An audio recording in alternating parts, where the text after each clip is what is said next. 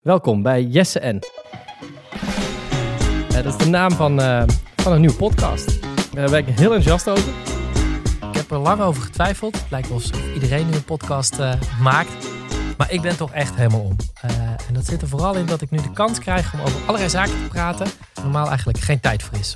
Of dat je maar 30 seconden hebt in een politiek debat of een statement op televisie. Om gewoon nu eens echt eh, ja, een dik uur door te praten met, eh, met allemaal interessante mensen die ik ontmoet. Soms zijn dat eh, hele bekende mensen, of die de meesten wel kennen. Eh, bekend uit de sport of uit, eh, van televisie. Ja, ik weet niet. Het leek voor mij zo, het leek voor mij zo onbereikbaar, man. TV-land, eh, dit hier waar we nu zitten. Maar was je onzeker toen je, toen je jong was? Je bent nog steeds, Ja. je bent nog steeds uit 92, je bent nog steeds.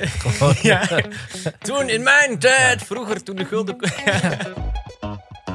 Maar soms zijn het experts waar je waarschijnlijk nog nooit van hebt gehoord, maar die zoveel kunnen uitleggen over onderwerpen ja, waar het misschien niet zo heel vaak over gaat in de populaire media, maar die super belangrijk zijn voor ons allemaal. dit is dus het probleem met hoe geld wordt uitgegeven. Ja. Dat er een enorm gebrek aan transparantie is. We kunnen vaak niet goed uitzoeken hoeveel zit er nou aan overheidsgeld in, hoeveel heeft een bedrijf zelf geïnvesteerd.